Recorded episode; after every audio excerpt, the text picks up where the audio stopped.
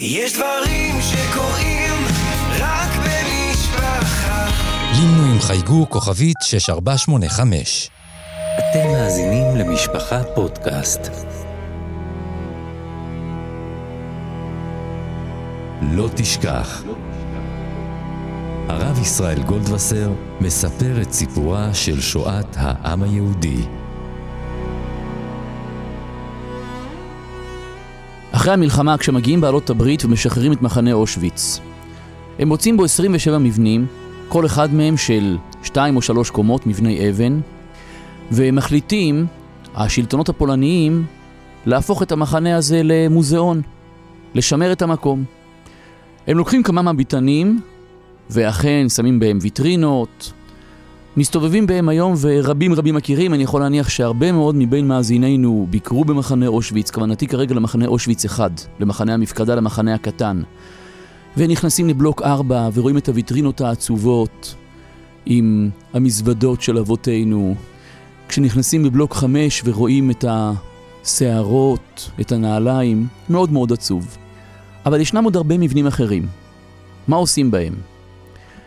החליטו מנהלי המוזיאון שבסך הכל במקום הזה נרצחו אזרחים מכל מיני מדינות. נכון שזה התרחש בפולין, ולכן פולין משמרת את המקום ואחראית עליו, אבל ראוי לתת לכל מדינה שאזרחיה נהרגו במקום הזה, ביטן להנציח את זכר ההרוגים. אז נותנים מבנה לצרפת, נותנים מבנה לבלגיה, מבנה להולנד, מבנה לברית המועצות, רוסיה.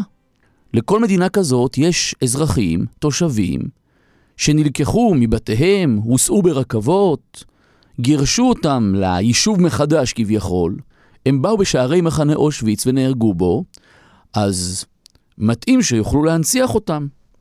גם הרי יבואו אנשים מכל הארצות, יבואו תיירים מכל אותם מקומות כדי ללמוד על תושביהם שנהרגו, ואכן המבינים האלה עומדים. אני יכול לתאר לעצמי שכמה שיש כאן רבים שאכן ביקרו באושוויץ, אבל בכלל לא שמו לב, זאת השורה הראשונה, לאלה שמכירים, לאלה שמתעניינים, אני יכול לומר שזו השורה הראשונה, איך שחוצים את השער של ארבט מאכט פריי.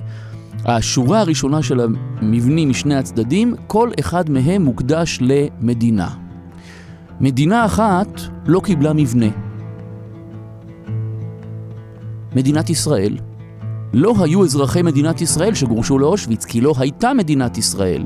אז נותנים לרוסים להנציח נרצחים, נותנים לצרפתים, להולנדים, לבלגים, ליוונים, ללטבים, אבל אין סיבה לתת לישראלים, כי הם כאמור לא נרצחו שם. נכנסים לביתנים האלה, מי שכן עיתותיו בידיו, והוא... הזמן לא נושף בעורפו, רובם מגיעים עם קבוצות, והקבוצות זמנם צפוף. מי שרוצה קצת להתרשם, אז תיכנס למשל לביתן בו מונצחים נרצחי הונגריה, ותבדוק מי הם הנרצחים מהונגריה, יהודי הונגריה.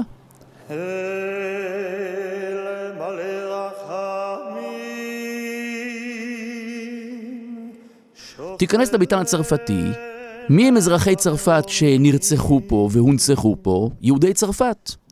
וככה עוד ועוד מדינה כשהיא מנציחה את האזרחים שנרצחו, רובם המוחלט זה יהודים. אבל יהודים לא קיבלו ביתן.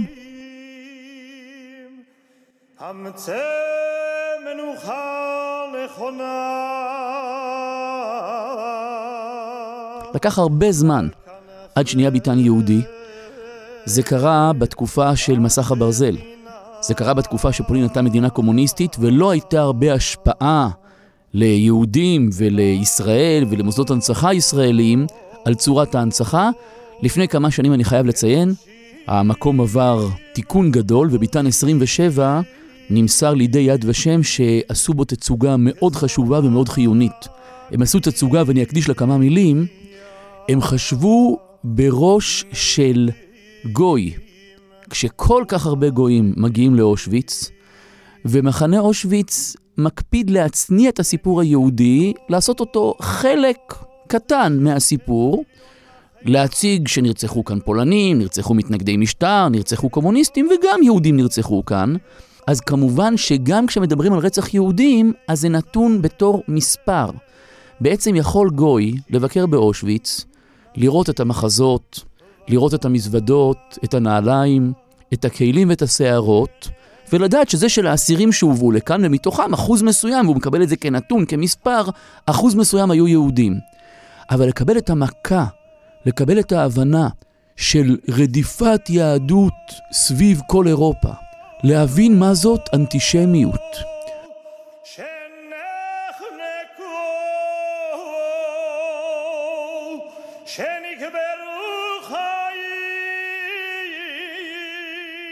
להבין מה זה שנאת ישראל, להבין מה זה היהודי שנרדף כי הוא יהודי, להבין מה זה תינוק יהודי אחד שנרדף. אז נכון שהרגו שם גם אזרחי רוסיה, כי הם חיילים בחזית, כי הם קומיסרים של המפלגה הקומוניסטית שהנאצים רואים בהם אויבים אידיאולוגיים, אבל לדאוג שלא יישאר תינוק אחד, זה רק נגד עם ישראל.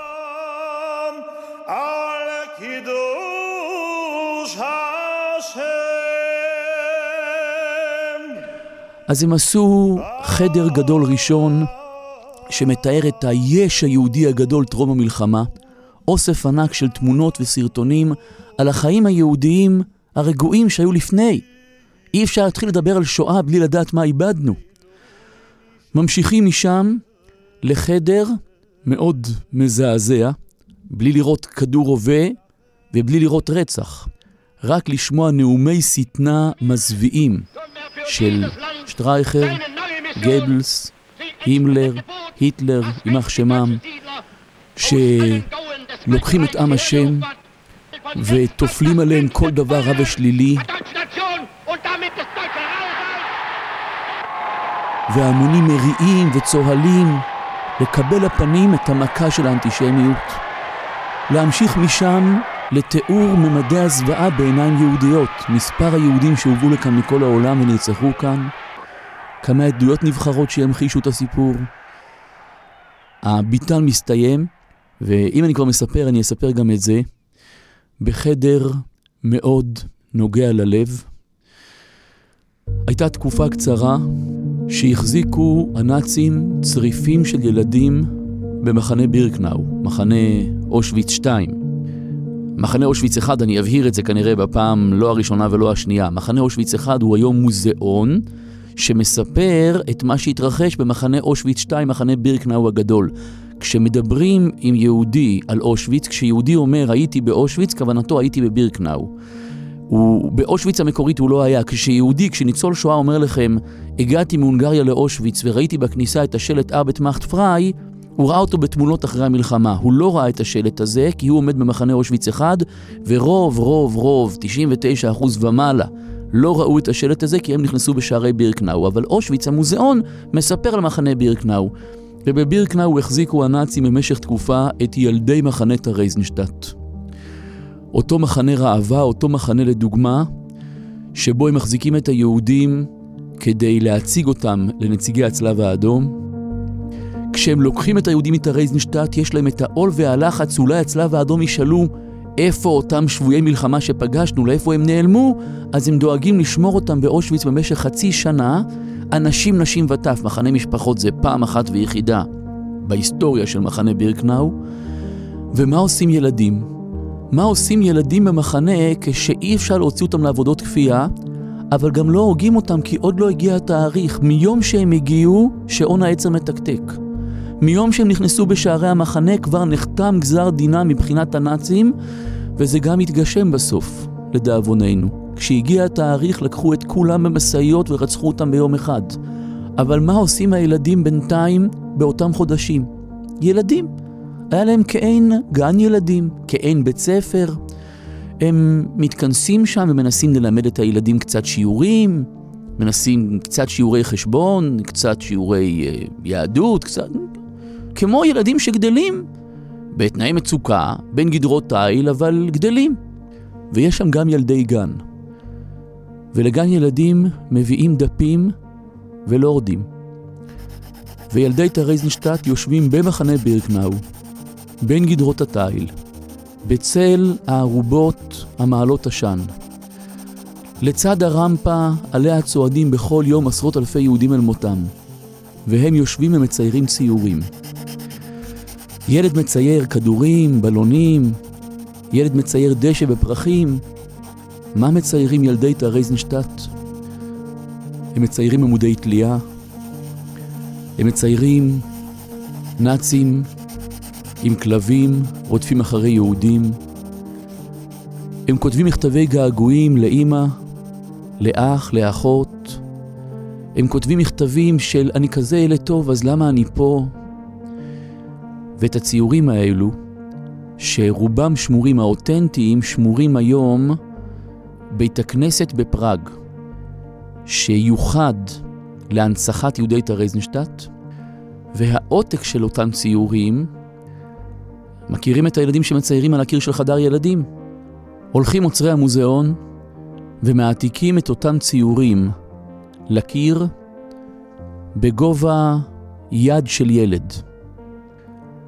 החדר הזה מאוד שקט, קירות לבנים, ציורים עדינים עדינים על הקירות, עד שהם מסתכלים, מתבוננים בציור וקולטים את גודל הזוועה. עד כאן תיאור של ביתן 27 באושוויץ. יש עוד קומה תחתונה, שבה נמצא ספר השמות הגדול, הספר שבו כתובים 4 מיליון 800 אלף שמות של נרצחים, שאנחנו יודעים היום את שמותיהם, ונותרו בו עוד כמה עשרות דפים ריקים למקרה שיחשפו, שיתגלו לנו עוד שמות. הספר הזה נמצא שם, הוא נמצא היום גם בארץ, גם במוזיאון יד ושם בעצמו אפשר לראות את הספר הזה. ואני רוצה לחזור לסיפור הראשון שבו פתחתי. סיפור השואה הבינלאומית. השואה היא מעשה ידם של גרמנים, של אזרחי גרמניה, של חיילי גרמניה, של אנשי אס אס של גרמניה. אבל הנרצחים מגיעים מעשרות מדינות. היהודים שהובאו לאושוויץ הובאו מכל כך הרבה מקומות, וזה מייצר לנו סיפור רב גוני עם פסיפס עצום. אנשים שואלים כמה אפשר לדבר על השואה. תפרסו את השואה, אל תיקחו אותה כמו אירוע של חמש וחצי, שש שנים. תיקחו כזה אירוע של חמש וחצי שנים בפולין, ואז תיקחו עוד חמש וחצי שנים לליטא, ותיקחו עוד כמה שנים לרוסיה ואוקראינה, ועוד שנה וחצי של הונגריה, ועוד שלוש שנים של לוב, ותצרפו לכך ארבע וחצי, חמש שנים של סבל בצרפת, זה שכל זה קרה במקביל, הרי כל סיפור כזה שווה לספר אותו יום אחרי יום. כשיש את היצירה של ההיסטוריון גילברט, שהוציא ספר על השואה, מאוד קשה לקרוא אותו, אבל זה נותן סוג של המחשה. השואה בתאריכים. לפי תאריכים, יום-יום, מיום פרוץ המלחמה, מה קרה בכל יום? זה לחטוף סחרחורת. כי בכל יום קרו 100 אירועים שכל אחד מהם שווה כותרת ראשית עצובה, מזעזעת, עם מסגרת שחורה בעיתון, וקרה במקום אחר באירופה או בצפון אפריקה, וכולם נדחסו לאותו יום, ויום למחרת הופכים דף ומגלים עוד 20, 30, 40 או 100 אירועים שקרו. באותו יום נהרגה עיירה באוקראינה, ונסגר גטו בפולין, ונלכדו בכף יהודים בלוב, ונמלטו יהודים בברלין למרתפים, הכל קורה במקביל. אני רוצה בפרק הזה קצת להטיל זרקור על הסיפור הזה של השואה הבינלאומית, כי השואה היא מאוד מאוד מגוונת, היא מאוד יוצאת דופן בגיוון שלה. אה, השואה המרכזית המסופרת והמדוברת בדרך כלל זוהי שואת פולין, ודומני שגם בפרקים שלנו בעצם זאת השואה העיקרית אותה תיארנו. אבל כל מדינה, אם נתבונן, אם נסתכל, אם נספר, שווה סיפור, שווה פרק, שווה כמה פרקים. חז"ל אומרים על יחזקאל הנביא, שרואה בחזון את המרכבה, מרכבתו של השם יתברך כביכול, מגיעה מהצפון. שואלים חז"ל, מהי באי התם? מה הוא כביכול כלפי מעלה? מה הקדוש ברוך הוא חיפש שם בצפון? אומרת הגמרא מילים מאוד נוקבות, שהלך לכבוש את כל העולם תחת נבוכדנצר הרשע, שלא יאמרו אומות העולם, אומה שפלה השתעבדה בבניו. אנחנו מרכז הסיפור, בשביל ישראל שנקראו ראשית, אנחנו מרכז הסיפור. תחשבו שגרמניה נשארת מדינה קטנה, היא הייתה אפילו מדינה מושפלת, מדינה ענייה, באמצע אירופה, ובמצב כזה היא הורגת מיליוני יהודים. זה היה כל כך מקומם ומסעיר. הקדוש ברוך הוא כובש את כל העולם תחת נבוכדנצר, הוא הרי שלט בכיפה, ואז על הדרך הוא כובש את ארץ ישראל, הוא כבש הרבה מקומות וכובש גם את ארץ ישראל, הוא הורג הרבה אנשים, והוא הורג גם את יהודי ארץ ישראל, הוא הגלה הרבה מדינות, והוא מגלה גם את היהודים שבארץ ישראל לבבל, והסיפור הזה חוזר על עצמו פעם נוספת אחרי 2500 שנה. הקדוש ברוך הוא כובש תחת היטלר כל כך הרבה מדינות, שלא יאמרו בידי אומה שפלה, נתן הקדוש ברוך הוא את בניו. הכיבושים הם בסדרי גודל ענקיים. היטלר היה כובש בסדרי גודל מבחינת מספר אזרחים שכנועים תחתיו ומבחינת שטח, הוא היה כובש יותר מנפוליאון, יותר אפילו מיוליוס קיסר, מבחינת מספר אזרחים גם יותר מאלכסנדר מוקדון. ההבדל הוא שבבתי ספר לקצונה, כשלומדים טקטיקה צבאית, אז לומדים על הכיבושים של יוליוס קיסר, של אלכסנדר מוקדון, של נפוליאון, של קרל הגדול ושל עוד כמה קיסרים כאלה, כי הם באמת היו אסטרטגים צבאיים, הם באמת היו בעלי מקצוע. היטלר אפס בכל זה. אבל כחלק מהשבט מוסר שקיבלנו, כחלק מהגזרה שנגזרה, אז הוא כובש כל כך הרבה מדינות עם היהודים שנמצאים בהם, ואומה גדולה וחזקה שכבשה הרבה והרגה הרבה, והיא זו שנשלחת מלמעלה לאותו עונש בשבילנו. אני אתחיל, כבר קשה לומר לזה יתחיל, כי אנחנו כבר עמוק בתוך הפרק, אבל כשרוצים להתחיל אה, לדבר על המספרים ועל הגיוון, הנקודת מוצא הכי אמיתית, הכי מדויקת, זה המסמך המזעזע שנותר מוועידת ואנזה. זה די הרבה זמן אחרי פרוץ המלחמה, אבל ביום שלגרמנים נופל האסימון שהנה זה הגיע, אפשר לרצוח יהודים בלי לתת דין וחשבון לאף אחד. עד אז היו כיבושים והוקמו גטאות וגם היו רציחות פה ושם, אבל קצת פרוביזורי.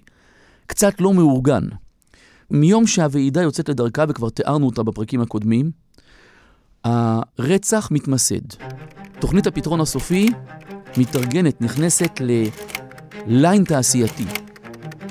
באותה ועידה מציגים הימלר ואייכמן מסמך על כמה יהודים הם מדברים. והם כותבים שבגרמניה, בגבולות המקוריים שלה, לפני ההרחבה, לפני האנשלוס, הסיפוח של אוסטריה, לפני השתלטות על צ'כוסלובקיה, אז בשטח גרמניה נמצאים 132 אלף יהודים שמיועדים להשמדה. אציין שלפני עליית הנאצים לשלטון חיו בגרמניה כמעט חצי מיליון יהודים. אבל במהלך שנות הפחד של מעליית הנאצים ועד פרוץ המלחמה, אז מאות אלפים מתוכם בורחים. 132 אלף יהודים בגרמניה, עוד כמעט 45 אלף יהודים באוסטריה. פולין היא הגולה המרכזית, ונמצאים בה למעלה משניים וחצי מיליון יהודים. גם הם כלולים בתוכנית הרצח. בבוהמיה מורביה, האזורים הצ'כיים תחת השלטון הצבאי, עוד 75 אלף יהודים. על אסטוניה כתוב במסמך יודן ריין, נקייה מיהודים, מדינה אחת שיורדת להם מהראש. 3,500 יהודים בלטביה, 34 אלף יהודים בליטא, כשהמספר הזה הלך וגדל כי בתקופת ביניים שליטא עוד לא נכבשה, רבים מאוד היהודים שנמלטו אליה. אחר כך, כשהנאצים נכנסו לתוכה, הם נלכדו בכף. כמעט 45 אלף יהודים בבלגיה, 5,600 יהודים בדנמרק, ופה אני עושה אתנחתא ורוצה לציין.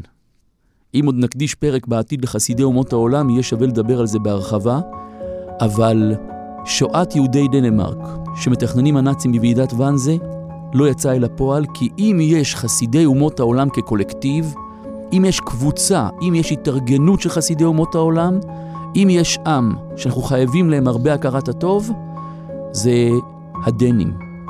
או אם נדייק, הדייגים הדנים. הדייגים תושבי דנמרק, שאוספים את כל יהודי המדינה אל חוף הים, בלילה שקט ואפל, מעלים אותם לאוניות, לספינות, לסירות, לרפסודות, לכל כלי שיט, ובלילה אחד ממלטים את היהודים תחת אפם של הגרמנים, ברגע האחרון לפני שיפלו וייכללו בתוך תוכנית הפתרון הסופי. אני חוזר אל המסמך. 165 אלף יהודים חיים בצרפת באזורים שנכבשו על ידי הנאצים, באזור הצפוני, ועוד 700 אלף מיועדים להירצח כשהם עדיין באזור השלטון הצרפתי משתף הפעולה שלטון וישי. 70 אלף יהודי יוון, 160 אלף יהודי הולנד, 1,300 יהודי נורבגיה, ומכאן שימו לב, 330 אלף יהודי בריטניה. בריטניה לא נכבשה על ידי הנאצים מעולם, אבל מבחינתם הם בתוכנית. הנאצים יצאו למבצע ארי ים, ועם כל הרצינות הם תכננו לכבוש את בריטניה. הם לא הצליחו, וזה לגמרי שינה הרבה דברים במהלכי המלחמה. היטלר אפילו נעלב. הוא הציע לבריטים באיזשהו שלב הסכם שלום. הוא הציע להם לחלוק את אירופה. הוא הציע להם, אם עד אז הוא תכנן, ליפנים הוא הציע לשלוט באסיה, בעלי בריתו, לאיטלקים באפריקה, והוא השתלט על אירופה, וברוב טובו וחסדו הוא מציע לאנגלים לחלוק איתם את נחלתו. הוא ייתן להם את אמריקה, הוא ייתן להם חלקים באירופה, והוא נורא נפגע והוא נותן לזה נאומים ברייכסטאג על כך שהוא מציע שלום והם מסרבים. הם מסרבים אז הוא יוצא נגדם לקרב. בין כך ובין כך, גם אם יהיה שלום, הוא יתנה את זה בכך שייתנו לו את יהודי בריטניה, ואם הוא יכבוש את בריטניה, אז ברור שהיהודים האלה אמורים להירצח.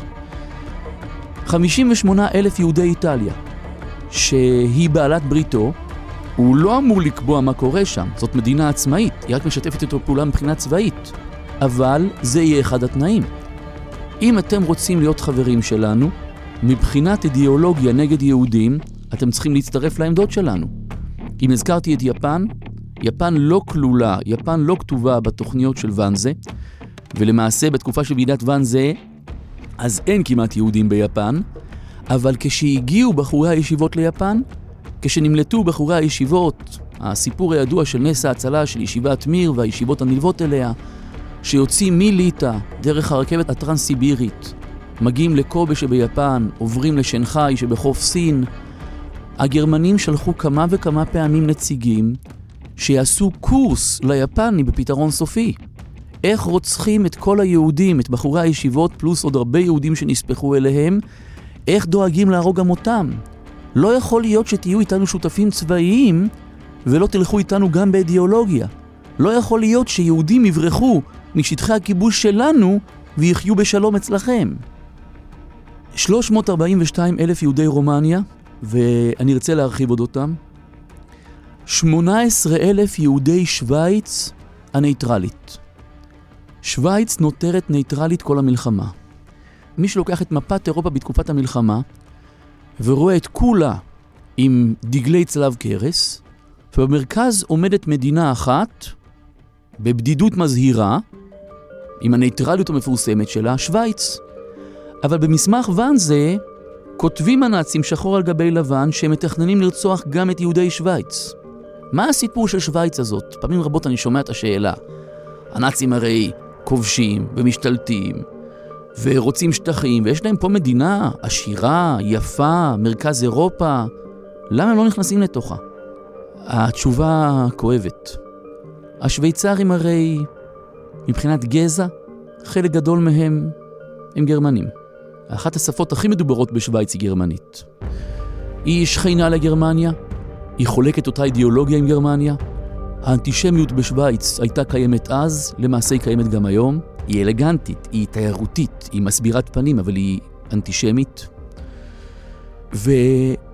והשוויצרים הם שונאי ישראל גדולים, וכשהם המדינה היחידה הרגועה באירופה, כשמסביב נשפכים נהרות של דם, המשטרה השוויצרית עסוקה בדבר אחד, לעמוד על הגבולות ולא לתת חלילה ליהודי אחד להציל את חייו בשטחי המדינה שלהם. כשתופסים יהודי שהעיז להבריח את הגבול לשוויץ, אז השוטרים האטומים יעבירו אותו בחזרה את הגבול, יגרשו אותו לאזורי המוות, הם לא יכולים בכלל לרחוץ בניקיון כפיהם. הצורה הזאת שמציגים את עצמם כמו שהם לא קשורים לשואה, זה לא נכון, א', בגלל האטימות והשמירה שלא ייכנסו יהודים לשטח, ב', הנאצים צריכים את שווייץ ניטרלית במהלך המלחמה, כי הם צריכים הלבנת הון. בשעה שעוקרים את שיני הזהב של היהודים באושוויץ. הופכים אותם למטילי זהב. את הזהב הזה צריכים להפוך לשטרות. עם השטרות האלה צריכים לממן בנייה של מטוסים וטנקים. מי יהפוך את הזהב לשטרות? גרמניה מבודדת וכל העולם לוחם בה. חייבים להחזיק סניף בנק ליד הבית. ושוויץ הייתה הסניף בנק הזה. כולם מדברים היום על שוד הבנקים השוויצריים, על החשבונות הרדומים של עשרות אלפי או יותר יהודים שהיו להם חשבונות בנק בשוויץ, ובשם הזה של החיסיון הבנקאי, השוויצרים יושבים על ערימות, אה, שטרות של הון יהודי. זה פשע, אבל זה הפשע הקטן. הפשע הגדול הוא בכך שידיהם מגואלות בדם, בכספים שהם משמנים את גלגלי המערכת, כל המלחמה, כשהם יודעים בדיוק מאיפה הזהב מגיע. אז הנאצים בתוכנית בוואנזה כוללים גם את שווייץ, את יהודי שווייץ, הם מחזיקים אותה כרגע, הם צריכים אותם. הם לגמרי לגמרי באותו ראש, לגמרי משתפים פעולה, הם לא כובשים אותה, אבל ביום שהם יזמינו, ביום שהם ירצו, או שהם מתכננים להיכנס ולהשתלט על שווייץ, או שהם מבינים שהם יפנו לשוויצרים ויקבלו את היהודים והם יפלו אליהם כפרי בשל, אבל יהודי שווייץ כלולים בתוכנית הרצח. במידה דומה, רשומים 6,000 יהודי ספרד. ספרד לא נכבשה על ידי הנאצים. אה, פרנקו הוא אה, גם כן פשיסט, הוא גם כן ימני קיצוני, הוא באותו ראש עם היטלר, כמו מוסליני מאיטליה, אז ספרד לא נכבשת, אבל יש שם 6,000 יהודים, גם אליהם נגיע. עוד לא עברתי על כל המסמך. סך הכל של המסמך הזה, אחרי כל המספרים שציטטתי ושלא ציטטתי, בשורה התחתונה מופיע המספר העצוב והנורא 11 מיליון יהודים. המספר הזה הוא עצוב כל כך כשאנחנו יודעים שמתוך 11 המיליונים, שישה באמת נרצחו. וחמשת האחרים, רובם סבלו מרורות. רובם נרדפו וגורשו ועונו והורעבו. ויש כאן עוד כאלו שלא רשומים במסמך, וגם עדיהם הגיעה השואה. השואה הצפון אפריקאית, יהודי תוניס, יהודי לוב, לא רבים יודעים, אבל מאות מיהודי לוב נרצחו במחנות. מאות מהם הובאו אל המחנה הנורא ברגן בלזן. עוד ועוד יהודים מעוד מקומות, אי אפשר גם להתעלם מהשואה של משתפי הפעולה עם הנאצים, כמו הפרהוד שבעיראק. השואה היא ענקית, היא רחבה, היא גדולה, היא מגוונת. נגענו בכותרות, ובפרק הבא נרצה לצלול פנימה, לרדת ככה ממבט מקרו, להיכנס לתוך מדינה, לעבור במהירות לשמוע קצת את הסיפור שלה, ולעלות חזרה וממעוף הציפור לראות שוב את אירופה המדממת. להיכנס לעוד מדינה ולקלוט את הסיפור יותר בפרוטרוט. אני חייב לציין שגם כשניכנס למדינה וניתן מספר על 100 או 100 אלף או מיליון, אנחנו עדיין במקרו. כי המיקרו האמיתי זה לקחת יהודי יהודי ולספר עליו. מה לעשות שאנחנו רק בפרקי כותרות, ומה לעשות שהשואה היא כל כך גדולה ועצובה. אבל לא עליך המלאכה לגמור, ולא אתה בן חורין להיבטל ממנה.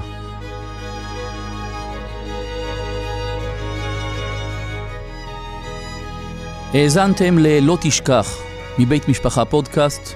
אני ישראל גולדווסר, תודה לכם שהאזנתם לנו, ואני רוצה להודות בשמכם לכל אלה שעסקו במלאכה, לעורכת תהילה סיטון, למפיקה איילה גולדשטיין ולעורכת הסאונד שיראל שרף. אפשר להזין לפרקים נוספים בכל אפליקציות הפודקאסטים, באתר משפחה ובקו הטלפון 02 652 3820